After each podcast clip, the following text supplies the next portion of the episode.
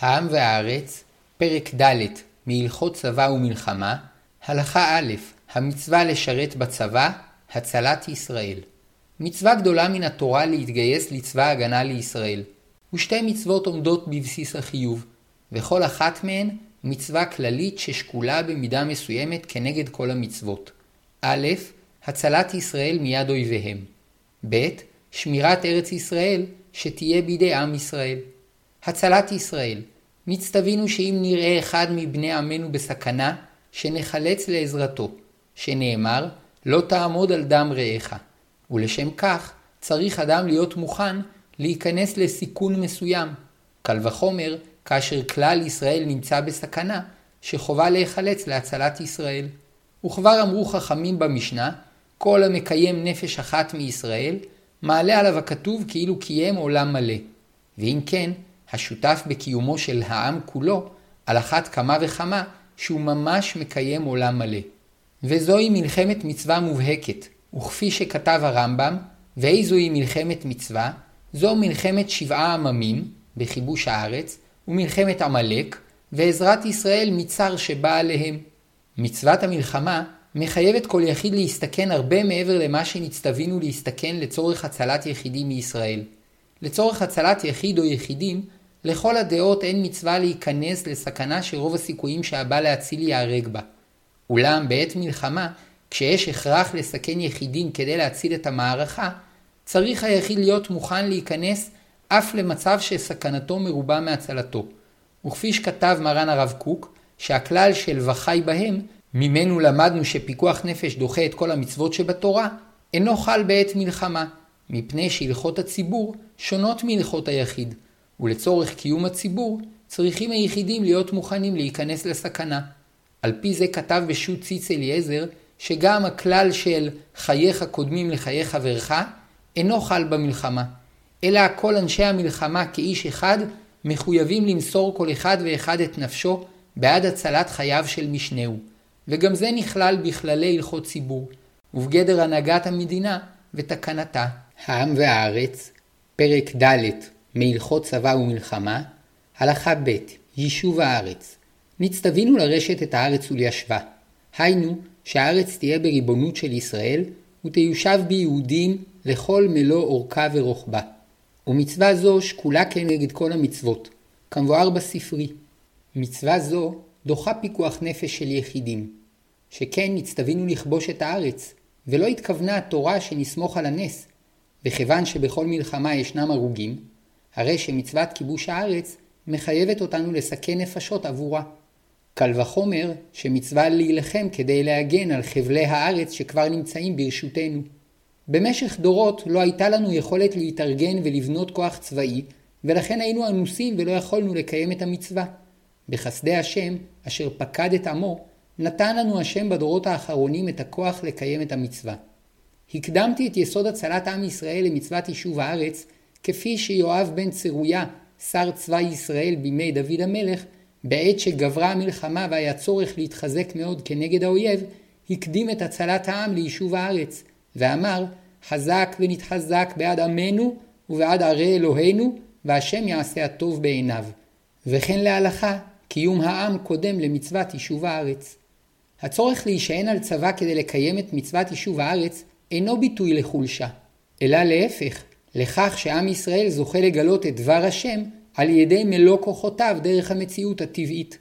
וכן מצינו במדרש, ארבעה מלכים היו. דוד אמר, ארדוף אויביי ואשיגם ולא אשוב עד כלותם. ונענה לו הקדוש ברוך הוא וסייע בידו. עמד עשה ואמר, אני אין בי כוח להרוג להם, אלא אני רודף אותם, ואתה הורגם. ונענה לו הקדוש ברוך הוא והרג באויביו. עמד יהושפט ואמר, אני אין בי כוח לא להרוג ולא לרדוף, אלא אני אומר שירה, ואתה הורג באויביי. ונענה לו הקדוש ברוך הוא והרג באויביו. עמד חזקיהו ואמר, אני אין בי כוח לא להרוג ולא לרדוף ולא לומר שירה, אלא אני ישן על מיטתי ואתה עושה. אמר לו הקדוש ברוך הוא, אני עושה. קטני האמונה עלולים לחשוב שחזקיהו הגדול שבהם, אולם האמת הפוכה. המדרש מבטא את ההידרדרות הנוראה של ישראל, מהימים הגדולים של דוד המלך עד סמוך לחורבן. בימי חזקיהו המציאות כבר לא טעמה את הערכים האלוקיים, והוא נזקק לנס כדי להתקיים. אולם הנס יכול לקיים רק לשעה, ואם לא יתקנו את הטבע ויקדשו אותו, יבוא החורבן ויגלו מהארץ. כלומר, המצב המתוקן הוא שעם ישראל מקיים את מצוות השם, הוא מיישב את הארץ ומנצח את הרשעים דרך הכוחות האנושיים הטבעיים שהשם נתן לו, בלא צורך בנס. כך יתגלה שהשם אחד בשמיים ממעל ועל הארץ מתחת ומלוא כל הארץ כבודו, וגם הכוחות הארציים והאנושיים מגלים את דבר השם ואינם מתנגדים לו. מתוך כך העולם ילך ויתעלה, וכל הגויים יכירו בזכותם של ישראל על ארצם, וניישב את הארץ בלא צורך במלחמות. העם והארץ, פרק ד' מהלכות צבא ומלחמה, הלכה ג' מצווה כללית ואיסור הפחד.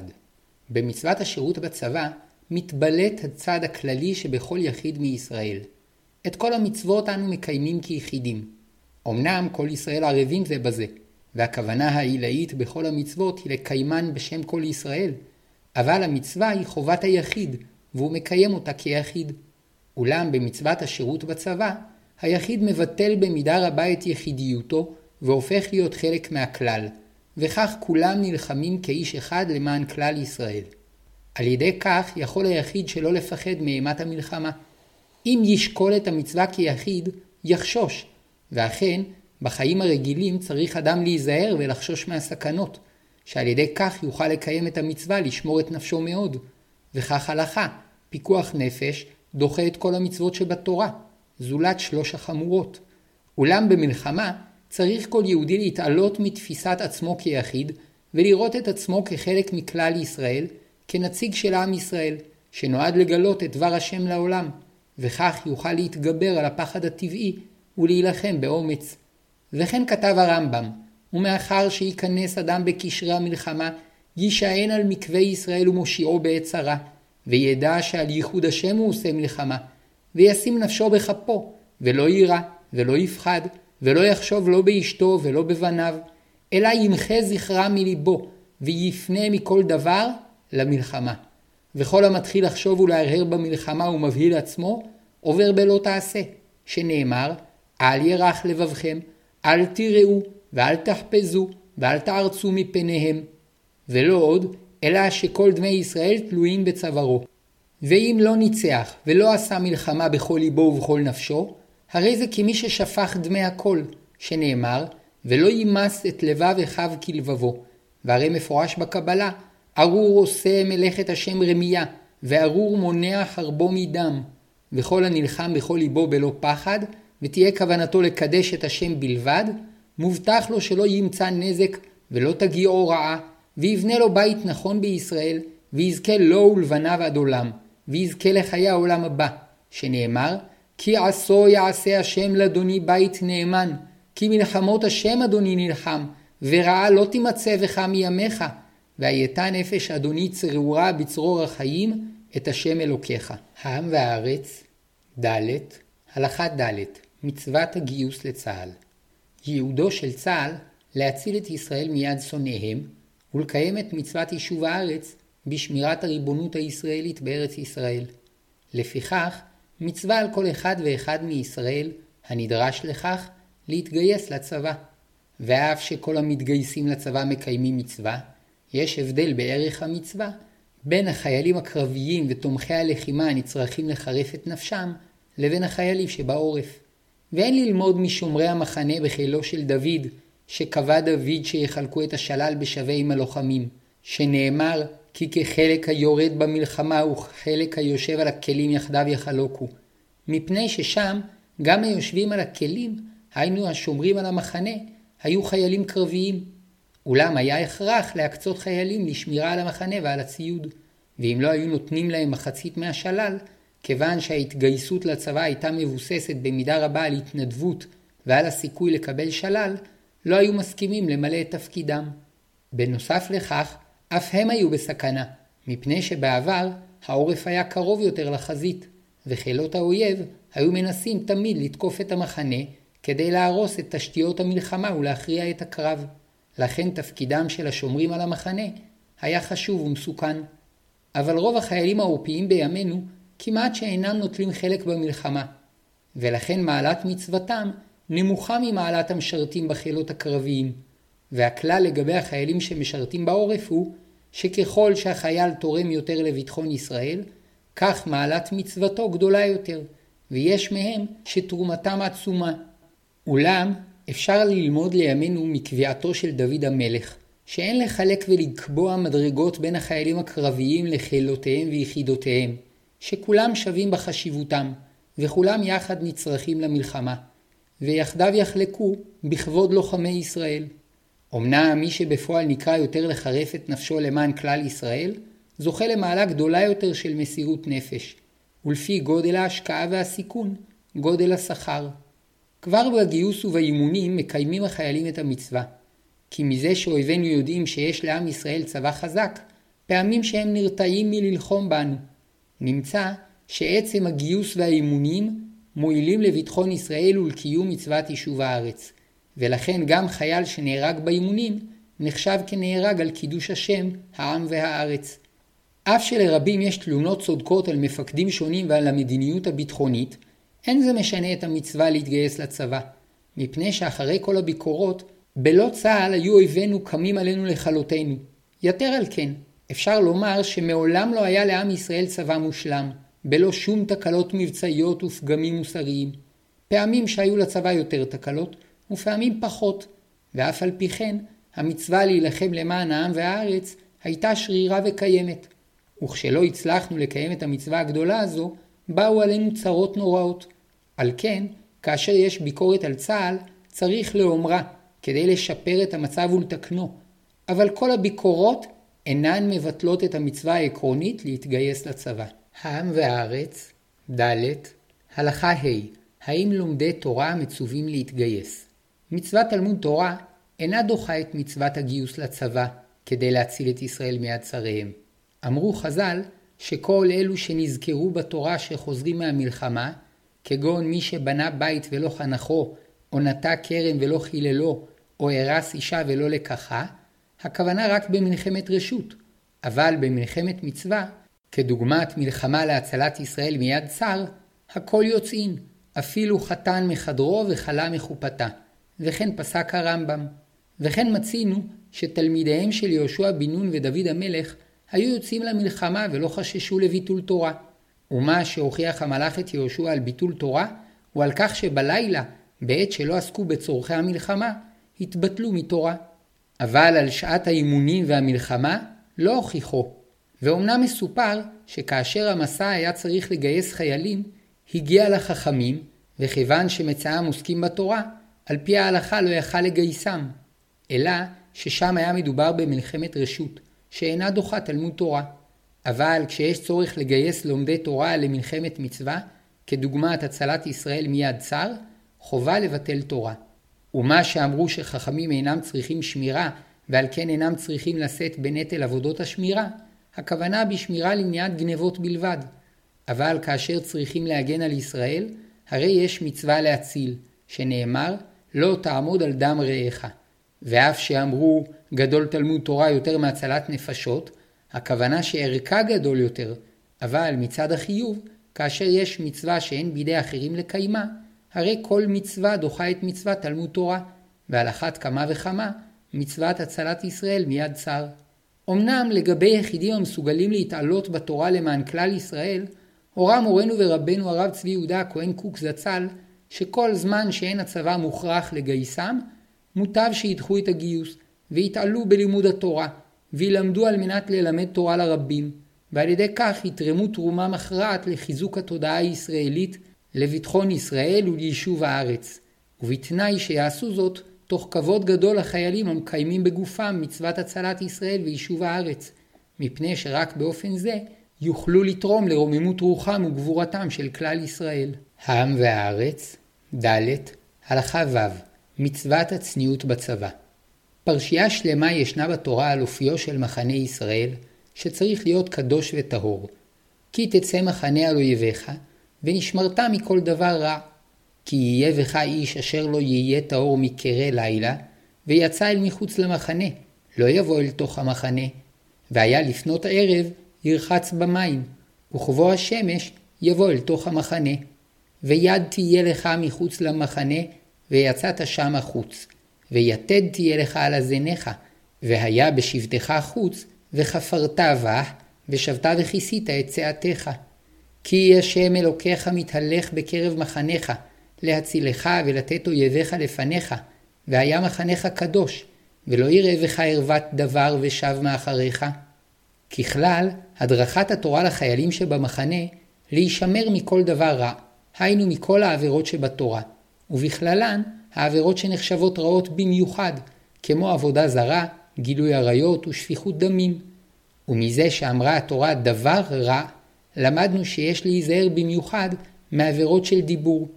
ופרשו חכמים שהכוונה לרמוז לאיסור קללת השם ולאיסור לשון הרע. וכבר אמרו חז"ל, כל המספר לשון הרע, מגדיל עוונות כנגד שלוש עבירות, עבודה זרה, גילוי עריות ושפיכות דמים. אולם באופן מפורט, הדגישה התורה להישמר במחנה בענייני צניעות, שזו הכוונה המפורטת של דבר רע, שצריך להישמר מהרהורי עבירה. וכפי שמובא בתלמוד, תנו רבנן, ונשמרת מכל דבר רע, שלא יהרהר אדם ביום, ויבוא לידי טומאה בלילה. וכן משמע מסוף הפרשייה, שעיקר הכוונה להזהיר מהרהורים של ערווה, שנאמר, ולא יראה בך ערוות דבר ושב מאחריך. ובכלל זה, להיזהר מניבול פה וליצנות, שאיסורים אלה קשורים הן לדיבור והן לענייני ערווה. ומדברי חז"ל למדנו שדיבורים גסים וליצנות עלולים לגרום לנפילת נפשות מישראל. כמה טעמים נאמרו לציווי מיוחד זה, וכולם דברי אלוקים חיים. הטעם שנזכר בתורה הוא כי השם אלוקיך מתהלך בקרב מחניך, שישראל הם בניו של הקדוש ברוך הוא, והחיילים היוצאים להילחם למען ישראל חביבים לפניו, ועל כן הוא משרה את שכינתו ביניהם, כדי להצילך ולתת אויביך לפניך. הרי שהמחנה קדוש, כן קדושת המקדש, והחיילים צריכים להתקדש, כן הכהנים הנכנסים לעבודת הקודש. אבל אם יראה במחנה ערוות דבר, יסלק שכינתו מעמנו. והוסיף רש"י ופרש על פי חז"ל, שדווקא החיילים זקוקים ליותר סייעתא דשמיא, שהשטן מקטרג בשעת הסכנה, ועל כן עליהם להיזהר יותר מכל דבר רע. והרמב"ן פירש שידועים מנהגי החיילים במחנות שפרוצים בכל האיסורים. כפי הנראה, החיילים שנמצאים בלחץ נפשי של אימונים קשים וסכנות, רוצים להשתחרר מהלחץ, והדרך הקלה לכך על ידי קלות ראש, ניבול פה ועיסוק בענייני עריות. בנוסף לכך, הצורך להילחם תוך סיכון נפשות פורץ את המסגרות. פתאום דבר נורא כהרג אנשים נעשה מותר. פתאום החייל מגלה בתוכו כוחות נפשיים ועוצמות שלא הכיר, ואם לא ייזהר לגדור את עצמו, כוחות החיים הללו יכולים לנטות לכיוונים שליליים, ועל כן באה התורה להזהיר את החיילים שישמרו מכל דבר רע. לבד מזאת, כאשר אדם נמצא עם משפחתו, הוא גודר את עצמו יותר מענייני עריות ופריצות, וכשהוא פורש לצבא, כל הסדרים הרגילים נפרצים, והחשש לפריצת הגדרים גובר. בנוסף לכך, יש חשש שיהיו חיילים שמרוב עיסוקם בענייני הצבא, באימונים, שמירות ופעולות למען העם והארץ, יבואו לזלזל במצוות פרטיות, כמו שמירת הפה והמחשבה מהרהורי עבירה. ועל כן באה התורה לומר לנו כי מחנה ישראל צריך להיות קדוש, ודווקא בזכות קדושתו ננצח מלחמות. וגם אחר המלחמה החיילים צריכים לבנות את משפחתם, ואם יפגעו בצניעותם וקדושתם, יגרמו לעצמם נזק נפשי, ולא יוכלו לאהוב בשלמות את בת זוגם, שהצניעות והקדושה היא היסוד לבניית האהבה במשפחה. נמצא אם כן שהכלל הוא שבצבא צריך להיזהר במיוחד מאיסורי עריות, ניבול פה והרהורי עבירה. העם והארץ, ד', הלכה ז', דברים שבקדושה במחנה. בנוסף לערך הצניעות לחיילים, למדנו מפרשיית המחנה שצריך לשמור על ניקיון המחנה, שיהיה נקי מצואה וטינוף, ועל כן ציוותה התורה שהנצרך להתפנות יצא אל מחוץ למחנה ויתפנה, ואחר כך יכסה את צואתו. וכפי שנאמר, ויד תהיה לך מחוץ למחנה, ויצאת שם החוץ, ויתד תהיה לך על הזניך, והיה בשבתך חוץ, וחפרת בה, ושבת וכיסית את צאתך. כי השם אלוקיך מתהלך בקרב מחניך, להצילך ולתת אויביך לפניך, והיה מחניך קדוש, ולא יראה לך ערוות דבר ושב מאחריך, שכל זמן שיש צואה במחנה, אסור לומר במחנה דברים שבקדושה, והשם המתהלך בקרב מחנה ישראל, עלול לסלק את שכינתו מהמחנה. הרי שבנוסף לשמירה בענייני צניעות, צריכים להקפיד לעסוק במחנה בדברים שבקדושה, לקיים את התפילות, לברך את כל הברכות, וללמוד כמידת האפשר, שכן מגמת ציווי התורה לשמור על נקיות המחנה, כדי שיוכלו לומר בו דברים שבקדושה. אמרו חכמים שמלאך השם שהתגלה אל יהושע, נזף בו על שבלילה, בעת שלא עסקו בהכנות למלחמה, בטלו מלימוד תורה. ואכן אחר כך, בלילה שלפני מלחמת העי, למד יהושע תורה, שנאמר, ויעלן יהושע בלילה ההוא בתוך העם. וילך יהושע בלילה ההוא בתוך העמק. ואמרו חכמים, מלמד שלן בעומקה של הלכה. ואומנם, לא כל חייל מסוגל להגיע לרמתו של יהושע בן נון ולעסוק בעומקה של הלכה בלילה שלפני הקרב, וגם בזמן האימונים לא קל ללמוד בשקידה. מכל מקום, צריך כל חייל להקפיד על קיום התפילות ולהשתדל ללמוד תורה כפי כוחו, ולכל הפחות מספר דקות בכל יום, לבטא בכך את קדושת המחנה. העם והארץ, ד. הלכה ח' האם בצבא צריכים להקל או להחמיר? כידוע, פעמים שיש בהלכה חילוקי דעות. יש מקלים ויש מחמירים. בדרך כלל, ההלכה נפסקת על פי דעת הרוב, ובשעת הדחק סומכים על דעת המקלים. והמהדרים משתדלים להחמיר אף כדעת המיעוט, כדי לצאת ידי חובת כל הפוסקים. השאלה כיצד ראוי לנהוג בצבא, האם לנטות לקולה או לחומרה. מצינו מצד אחד שהתורה הזהירה אותנו להישמר במחנה מכל דבר רע, שנאמר, כי תצא מחנה על אויביך, ונשמרת מכל דבר רע. וכפי שלמדנו, שלושה טעמים עיקריים לכך. א', שהשכינה שורה בקרב מחנה ישראל. ב', שהשטן מקטרג בשעת הסכנה, ולכן דווקא בצבא צריכים להיעדר יותר במצוות, כדי להיות זכאים לעזרת השם. ג. חיי הצבא עלולים להוריד את רמתו הרוחנית של החייל, וכנגד זה עליו להתחזק יותר בשמירת המצוות. מנגד, פטרו חכמים את החיילים היוצאים להילחם מעת צאתם למלחמה ועד חזרתם משישה דברים, ואלו הם א', מותר להם להביא עצים מכל מקום בלא לחשוש לגזל. ב. פטרו אותם מלחזר אחר מים לנטילת ידיים לפני אכילת פת. ג. התירו לחיילים לאכול פירות דמאי, היינו פירות שחכמים חייבו להיעשר מספק, ובמחנה פטרו את החיילים מכך. ד. פטרו מלהניח מאכל שתי סעודות לצורך עירוב חצרות ועירוב תחומים. ה.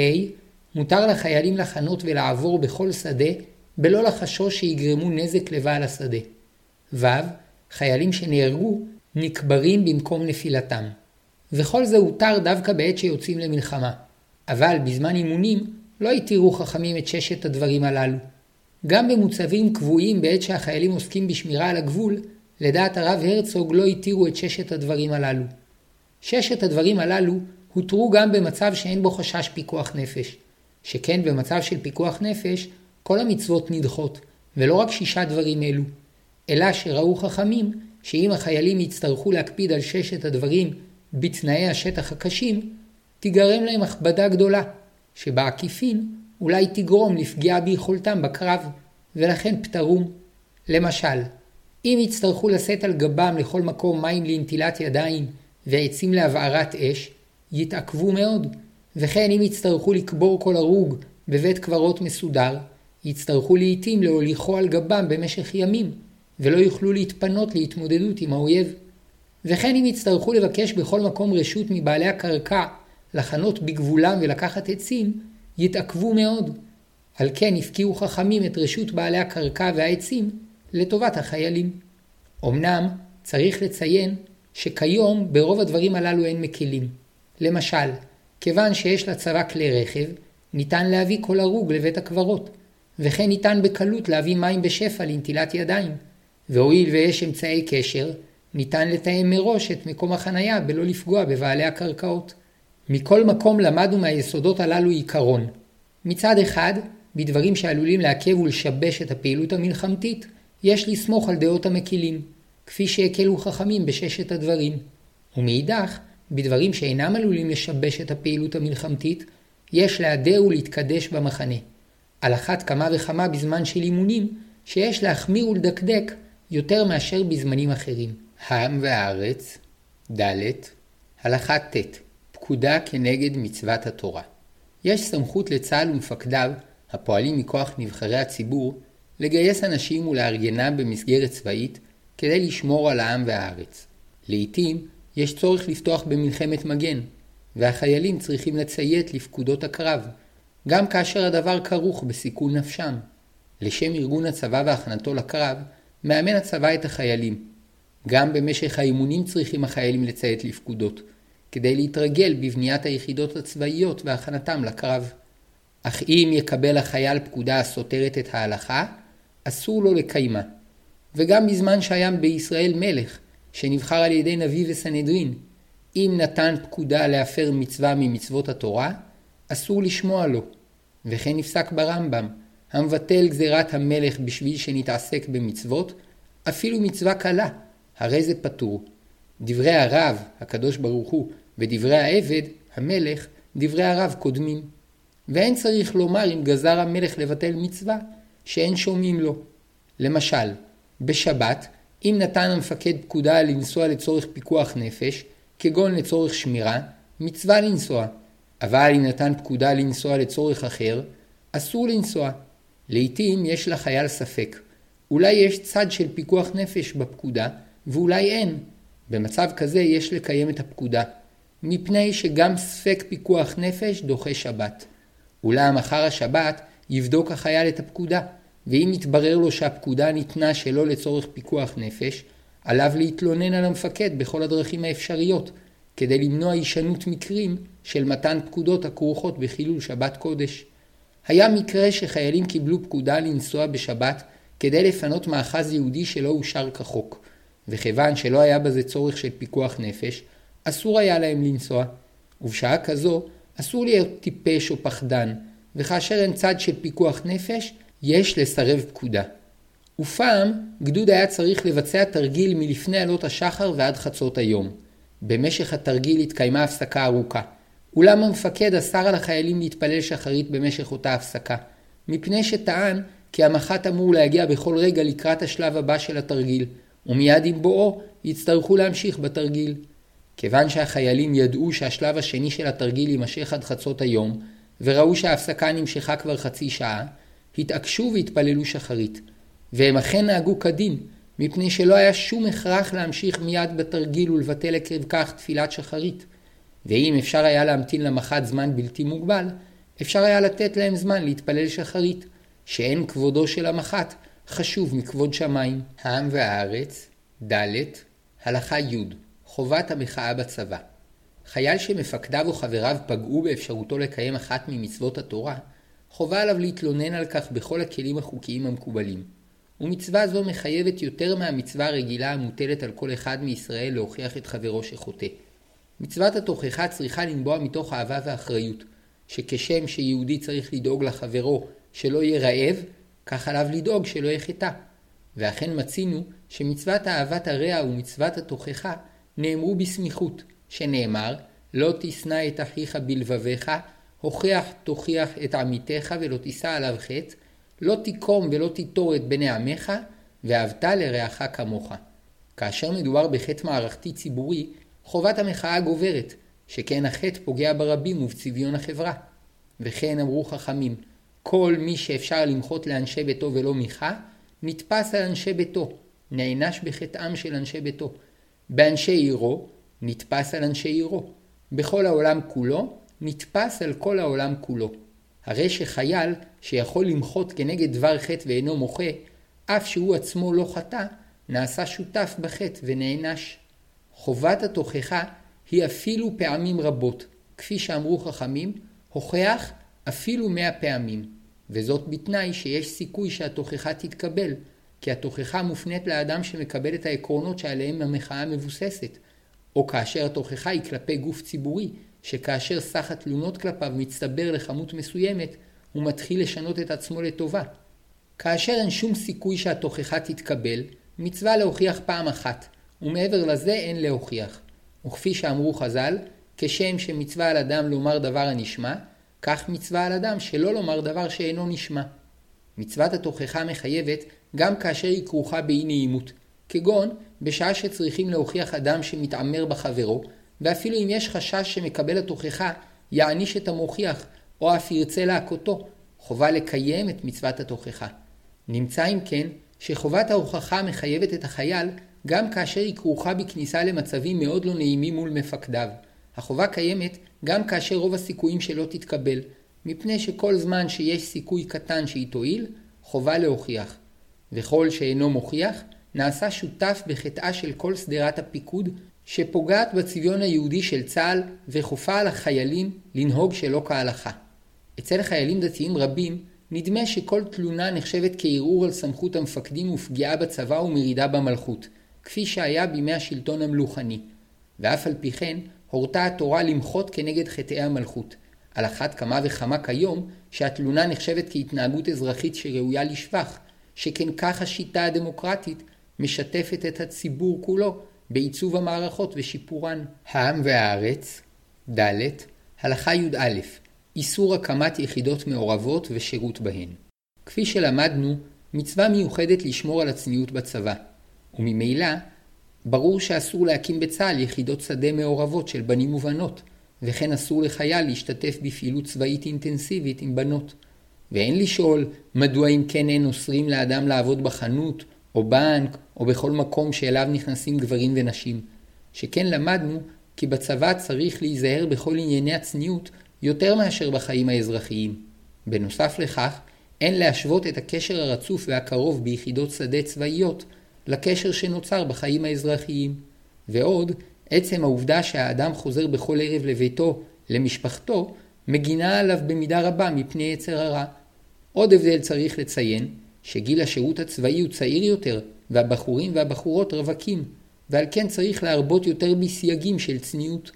בנוסף לכך, בחיי האזרחות, כל אדם שמרגיש שמקום עבודתו או מקום לימודיו עלולים להביאו לידי עבירה, צריך לעזוב את מקום עבודתו או לימודיו, כדי לשמור על צניעותו וקדושתו, ואילו בצבא אין רשות לחייל לעזוב את יחידתו. ואם יבואו ויטענו כי הרבנים צריכים לחנך את תלמידיהם כך שידעו להתמודד עם יצרם, נשיב כי הטוענים כך לא מבינים את אחד מן היסודות החשובים שבתורה. התורה אינה דואגת לצדיקים בלבד, אלא לחברה כולה, ובכללה גם לאלו שנוטים להתפתות בקלות אחרי יצרם, ולכן נקבעו סייגים למצוות, וככל שמדובר במצווה מרכזית יותר, כך הסייגים שסביבה מרובים יותר. למשל, המצווה להאמין בהשם ואיסור עבודה זרה יסודיים כל כך, עד שלפי הרמב"ם במורה נבוכים, רבות ממצוות התורה משמשות כסייג מפני עבודה זרה. ובדרך זו הלכו חכמים, שככל שמדובר ביסוד חשוב יותר, כך קבעו סביבו סייגים רבים יותר. גם עניין הנאמנות והאהבה שבין בני הזוג הוא דבר מקודש, ועל כן נקבעו סייגים רבים כדי שישמור אדם את כל אהבתו לבת זוגו. וגם מי שהוא צדיק רוב ימיו, עלול יום אחד להיכשל, ואותו כישלון עלול לפגוע באופן אנוש במשפחתו. וכבר אמרו חכמים, אין אפוטרופוס לאריות. מתוך מגמה זו, אסור להסכים כי רק יחידות מסוימות של בני ישיבות יהיו קדושות, ושאר המחנה לא יהיה קדוש ויראו בו ערוות דבר, מפני שיש לנו אחריות כלפי כל אחד ואחד מישראל.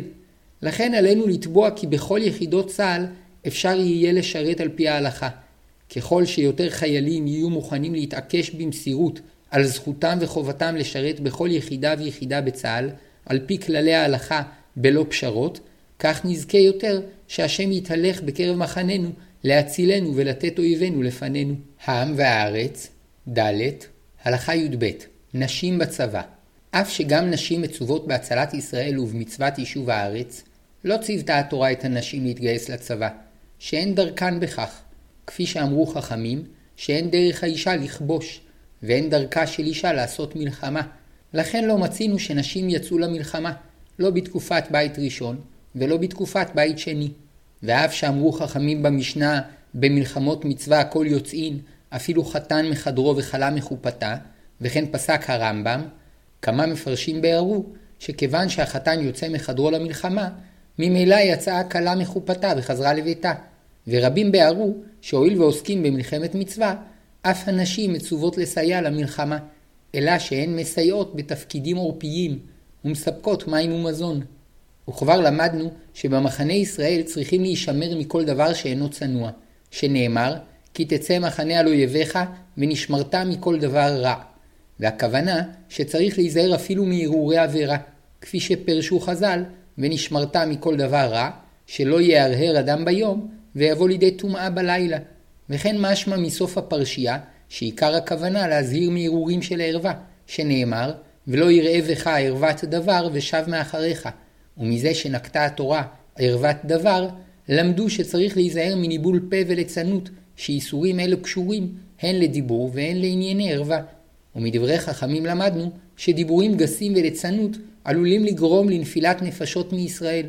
נמצא אם כן שמציאותן של בנות עם בנים בתנאי צבא מנוגדת להדרכתה של התורה, וכן פסקה הרבנות הראשית לישראל שאסור לבנות להתגייס לצבא.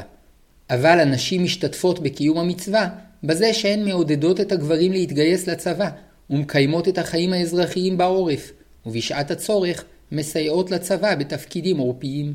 העם והארץ, ד', הלכה י"ג, מצווה להציע שלום. כאשר נצרכים ישראל לפתוח במלחמה נגד ממלכה או עיר, ציוותה התורה לקרוא לתחילה לשלום, שנאמר, כי תקרב אל עיר להילחם עליה, וקראת אליה לשלום. הצעת השלום פירושה הצעת כניעה, וכמו שנאמר, והיה אם שלום טענך ופתחה לך, והיה כל העם הנמצא בה, יהיו לך למס ועבדוך. והכוונה, קבלת שלטון ישראל, תשלום מיסים וסיוע לכל צורכי ישראל. בנוסף לכך, קבלת יסודות האמונה והמוסר הכלל עולמיים, שהם שבע מצוות בני נוח.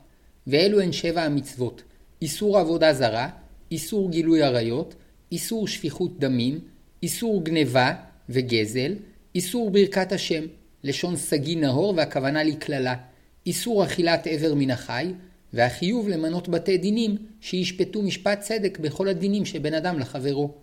גם לפני שיוצאים למלחמה להכרית את זרעו של עמלק, יש לקרוא להם לשלום. היינו, להציע להם שיקבלו על עצמם שבע מצוות בני נוח, ויהיו משועבדים ומעלים מס לישראל, ובזה יפסיקו להיחשב עמלק. אם קיבלו את תנאי השלום, אין נלחמים נגדם, ואם לא קיבלו, נלחמים נגדם עד כלותם. וכך עשה יהושע. לפני שעבר את הירדן, שלח שלושה כתבים לכנענים יושבי הארץ. בראשון שלח להם, מי שרוצה לברוח, יברח. בשני שלח, מי שרוצה לעשות שלום, ישלים.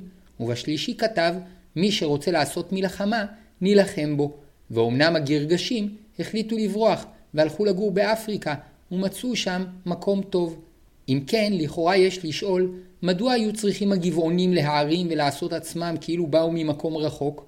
לדעת הרמב"ם, מפני שרצו לכרות ברית עם ישראל, ואילו השלום שהציע להם יהושע לא היה כברית, אלא שיהיו למס ויהיו כפופים לישראל. וכיוון שהגבעונים הטעו את ישראל, לא היו חייבים לקיים את הברית שכרתו עמם, אלא שאם היו מפרים את שבועת הנשיאים, היה נגרם חילול השם, ולכן קיימו עמהם את הברית. ולדעת הראב"ד, הגבעונים יכלו לקבל את הצעת השלום כל זמן שישראל לא עברו את הירדן. אולם לאחר שעברו את הירדן, כבר התחילה המלחמה, ואיבדו את ההזדמנות לקבל את הצעת השלום. כאשר יש חשש שתוך הקריאה לשלום האויב יתקוף אותנו ונספוג מזה אבדות, אין לקרוא לו לשלום. העם והארץ, ד', הלכה י"ד, מלחמת חורמה. כאשר הצעת השלום של ישראל נדחית, פותחים במלחמה, והמלחמה אכזרית, וכמו שנאמר, ואם לא תשלים עמך, ועשתה עמך מלחמה, וצרת עליה, ונתנה השם אלוקיך בידיך, והכיתה את כל זכורה לפי חרב, רק הנשים והטף והבהמה וכל אשר יהיה בעיר, כל שללה תבוז לך, ואכלת את שלל אויביך, אשר נתן השם אלוקיך לך. כן תעשה לכל הערים הרחוקות ממך מאוד, אשר לא מערי הגויים האלה הנה. רק מערי העמים האלה אשר השם אלוקיך נותן לך נחלה, לא תחיה כל נשמה. לכאורה יש לשאול, מדוע היו צריכים להרוג את כל הזכרים ומהכנענים כל נשמה? שתי סיבות עיקריות לכך. א', במלחמה צריך לנצח באופן מוחלט, שאם לא כן, בוודאי תבוא מערכה נוספת שתסכן שוב את קיומנו, ומי יודע מה יהיה סופה. לא זו בלבד, אלא שאם הניצחון לא יהיה מוחלט, לא נרתיע אויבים אחרים מלסכן את קיומנו, והכל תלוי במנהג העולם.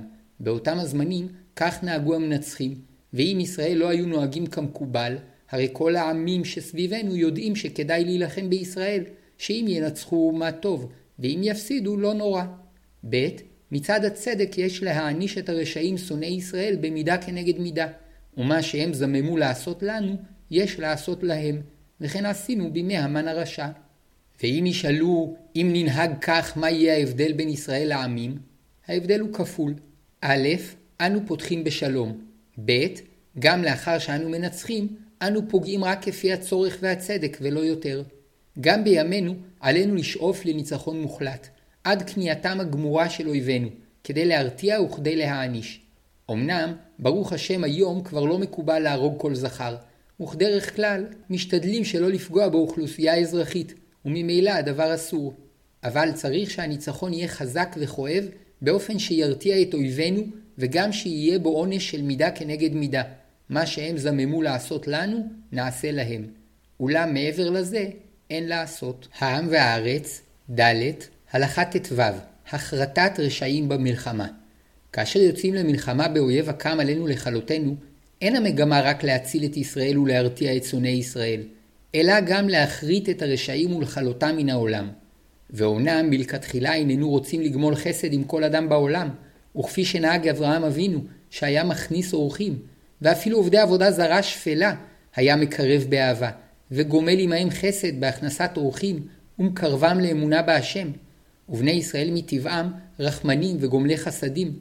אבל יש בחירה לאדם, וכשאדם החליט להתנהג ברשעות עד שיתעצם לצאת במלחמה נגדנו, להרוג בנו ולגזול מאיתנו את הארץ הקדושה שהשם הנחיל לאבותינו ולנו, מצווה להילחם בו כדי להעניש אותו ואת תומכיו. וכדברי דוד מלכנו, אשר שר, ארדפה אויבי ואשמידם ולא אשוב עד כלותם, ואכלם ואמחצם ולא יקומון, ויפלו תחת רגלי, ותזרני חי למלחמה, תכריע קמי תחתני, ואויבי תתה לי עורף, משנאי ועצמיתם, ישעו ואין מושיע, אל השם ולא ענם, ואשחקם כעפר ארץ, כתית חוצות אדיקם, ארכאם. האל הנותן נקמות לי, ומוריד עמים תחתני. אכן דוד לא עסק רק בהגנה, הוא עסק גם בהתקפה יזומה על שונאי ישראל. לצבאו של דוד אין ראוי לקרוא צבא ההגנה לישראל, אלא צבא ההתקפה לישראל, או צבא ישראל. וצריך לדעת שכל הנלחם בישראל נלחם גם בריבונו של עולם, שישראל הם בניו, ועל כן מלחמותיו של דוד נגד שונאי ישראל נקראות מלחמות השם, וזו גבורה מוסרית, לכלות מן העולם את שונאי השם ושונאי ישראל, ובזכות גבורה זו זכה דוד להקים את מלכות ישראל לדורות, וכך סיים את שירתו, על כן עודך השם בגויים, ולשמך אזמר, מגדול ישועות מלכו, ועושה חסד למשיחו, לדוד ולזרעו עד עולם. העם והארץ, ד', הלכה ט"ז, השאלה על דין אשת יפת תואר. לכאורה ישנה בתורה מצווה תמוהה, לפיה מותר לחיילים לקחת לעצמם נשים מבנות העם שנלחם נגדנו, שנאמר, כי תצא למלחמה על אויביך, ונתנו השם אלוקיך בידיך ושבית שביו. וראית בשביה אשת יפת תואר, וחשקת בה, ולקחת לך לאישה. והבאת אל תוך ביתך, וגילך את ראשה, ועשתה את ציפורניה, והסירה את שמלת שביה מעליה, וישבה בביתך, ובכתה את אביה ואת אמה ירח ימים, ואחר כן תבוא אליה ובעלתה, והייתה לך לאישה. והיה אם לא חפצת בה, ושילחת לנפשה, ומחור לא תמכרנה בכסף, לא תתעמר בה, תחת אשר עיניתה. כדי להבין את המצווה, צריך לבאר תחילה שבימי קדם היו המנצחים עושים במנוצחים כל מה שרצו. כל סוג של התעללות נחשב כשר מבחינה חוקית ומוסרית. הנופלים בשבי נחשבו כרכושם של המנצחים. רבים מהם נהרגו תוך התעללות פומבית. לכן ביקש שאול המלך להיהרג בחרבו ולא ליפול בשבי הפלישתים. היו ששחטום כקורבן על מזבחות אליליהם, והיו שנלקחו לשעשועי דם, ושימשו כגלדיאטורים למלחמות נגד חיות טרף, או בינם לבין עצמם, עד שנהרגו. הנוהג הרווח היה שאחוז ניכר מהגברים נהרגו, והנותרים נמכרו לעבדים. לנשים הצעירות והיפות הייתה פריבילגיה. אותן לא הרגו, אלא בתחילה היו החיילים אונסים אותן כחפצם, וכשמעשו בהן, השליכון לקובה של זונות, או מכרון לשפחות ופילגשים. כך נהגו הכל לעשות, ולכן היה מקובל אצל העמים, שכאשר הבינו שתבוסתם קרובה, היו הנשים מקשטות את עצמן כדי שימצאו חן בעיני החיילים המנצחים ויצילו בכך את נפשן. ותקווה קטנה הייתה בלב, אולי אחד מחיילי האויב יחשוק בה ויגן עליה כי ירצה שתשמש לו כפילגש. ואם תזכה ללדת לו ילד, מן הסתם יפרנס אותה, ולא תמות מרעב. גם ההורים עזרו לבנותיהן להתקשט, כי זה היה הסיכוי היחיד להצלת ביתן, ואולי באופן זה ימשיך זרעם להתקיים בעולם. שכן את חסרי התועלת היו בדרך כלל הורגים, כדי למעט בפיות שצריכים להאכיל, שהרי פעמים רבות המלחמות היו על אמצעי מחיה, ולכן אחת המטרות הייתה להרוג את המנוצחים ולרשת את שדותיהם. במאות השנים האחרונות החל בארצות המפותחות תהליך הדרגתי של שיפור במעמדו החוקי של האדם, ויחד עם ביטול העבדות באירופה, התבטל הנוהג למכור את בני העם המובס לעבדים ושפחות. אמנם, עד לאחר מלחמת העולם השנייה, עוד היו רגילים להעביד את השבויים בפרך עבור הממלכה או המדינה המנצחת. לגבי ביזה ואונס, עד תום מלחמת העולם השנייה היה מקובל שלאחר סיום כיבוש עיר, למשך שלושה ימים החוק הסתיר מעט את פניו, כדי שהחיילים יוכלו לבזוז ולאנוס נשים כחפצם, ובתנאי שלא יגזימו באכזריות יתר. לאחר שלושה ימים החלו לאכוף את חוקי המלחמה נגד ביזה, אונס ורצח. רק בשנת 1949 הוסכם על אמנת ז'נבה הרביעית הקובעת הגנה לאוכלוסייה אזרחית בעת מלחמה. העם והארץ, ד. הלכה י"ז הלכות אשת יפת תואר. לאור זאת נלמד את דין אשת יפת תואר שבתורה. לכתחילה צריך החייל לגדור את עצמו מכל מחשבת עריות, ולחשוב רק על הצלת ישראל והניצחון במלחמה. ואף זה מכלל המצווה הכללית לשמור על קדושת המחנה, שנאמר, כי תצא מחנה על אויביך ונשמרת מכל דבר רע. כי השם אלוקיך מתהלך בקרב מחניך, להצילך ולתת אויביך לפניך, והיה מחניך קדוש, ולא יראה בך ערוות דבר, ושב מאחריך. וכן לאחר הניצחון, בעת שהיו לוקחים את הנשים בשבי כמנהג המקובל בימי קדם, לכתחילה צריך היה החייל לגדור את עצמו מכל מחשבה זרה. ואם למרות זאת חשק באחת השבויות, התירה לו התורה לבוא אליה פעם אחת, בתנאי שיעשה זאת מתוך התחייבות לשאתה אחר כך לאישה אם תרצה. ויש מהחכמים שסוברים שאסור היה לו לבוא אליה אפילו פעם אחת, אלא רק לקחתה עמו, ורק אם תסכים להתגייר, יהיה מותר לו לשאתה לאישה. ומסתבר שזו הייתה הדרכה לכתחילה. אולם במצב של דיעבד, נפסק להלכה שמותר לחייל לבוא אליה פעם אחת בתנאים האמורים. וכך הם פרטי הדין. ההיתר לבוא אל האישה הוא רק בסערת הקרב, בעת לקיחתה ממקומה אל השבי, אבל לאחר שכבר נלקחה בשבי, אסור לאף חייל לגעת בשום שבויה, ואף היתר זה הוא בתנאי שהחייל יתחייב לשאתה אחר כך לאישה, שנאמר, וראית בשביה אשת יפת תואר, וחשקת בה, ולקחת לך לאישה. לכן מותר לחייל לקחת רק אישה אחת ולא יותר. כמו כן, אסור לו לקחת אישה לאחיו או למישהו אחר, אלא רק למי שחשק באישה אחת מסוימת מותר לקחתה לעצמו. לאחר שיבוא אליה פעם אחת, אסור לו לבוא אליה שוב עד אשר יוסדר עניין נישואיהם. כלומר, אם השבויה תסכים להיכנס תחת כנפי השכינה ולהתגייר ולהינשא לו, יגיירנה מיד. אבל ימתינו שלושה חודשים עד שיישאנה, כדי שאם תתעבר יוכלו לדעת אם התעברה בהיותה גויה או גיורת. אם עדיין לא התרצתה להתגייר ולהינשא לו, מניח לה שלושים יום לבכות ולהתאבל בביתו על אביה ועל אמה ועל דתה שהיא צריכה לעזוב, ובאותו זמן תגלח את ראשה ותגדל את ציפורניה. והוסיף הרמב"ם שאף מניח לה לעבוד בפרהסיה את העבודה הזרה שהייתה רגילה לעבוד, בלא לדבר איתה בענייני אמונה בכל אותו חודש. לאחר אותו חודש, אם האיש כבר לא ירצה לשאתה לאישה, ידרוש ממנה לקבל שבע מצוות בני נוח, וישחרר אותה לנפשה. ואסור לו לשעבדה לא לשפחה או למוכרה לאחרים, שנאמר, והיה אם לא חפצת בה, ושילחת לנפשה, ומחור לא תמכרנה בכסף, לא תתעמר בה, תחת אשר עיניתה.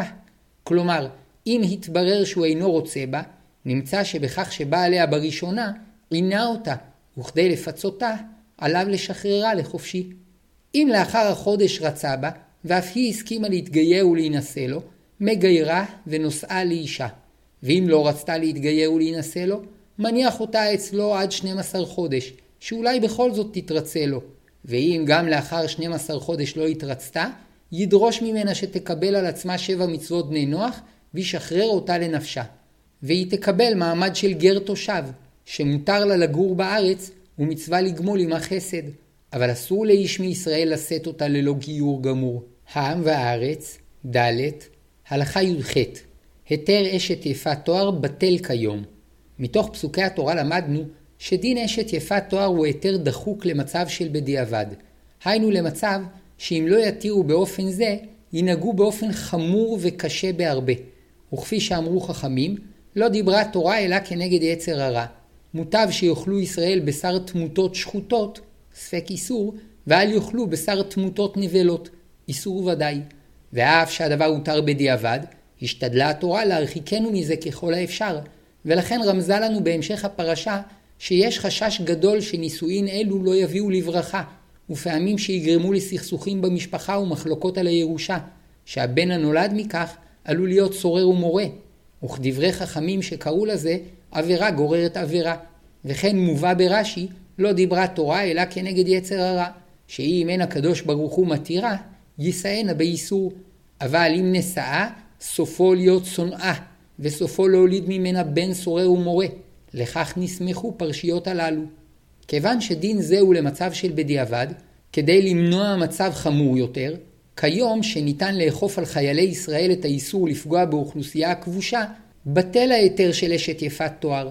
ואף שבארצות ערב ודומיהן עדיין מקובל שחיילים אונסים נשים ורוצחים אנשים, ואף בצבאות המערב חיילים רבים עוברים על החוק ואונסים את נשות העם הנכבש או הנשלט, וכן נהגו באירופה בזמן מלחמות העולם הראשונה והשנייה, מכל מקום, בזכות השפעתו המטיבה של מוסר התורה, דיני המלחמה בקרב עמי המערב השתנו לטובה, הן מצד מעמדם של בני האוכלוסייה המנוצחת, שנפשם אינה נתונה כרכוש ביד הכובשים, והן מצד שניתן לאכוף את חוקי הצבא על החיילים ביתר יעילות בזכות אמצעי הקשר והתחבורה.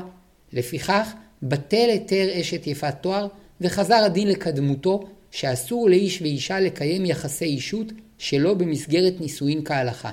אמנם יסוד גדול למדנו מדין אשת יפת תואר. אין מן החוכמה לצעוק שדבר מסוים פסול. צריך לדעת כיצד לתקנו על ידי נטיעת יסודות הטוב בתוך המציאות הקשה, האכזרית והמסובכת, וזה דבר שאפשרי דווקא על ידי ישראל, כאשר מצוות אשת יפת תואר יכולה לשמש דוגמה לתהליך התיקון הרצוי.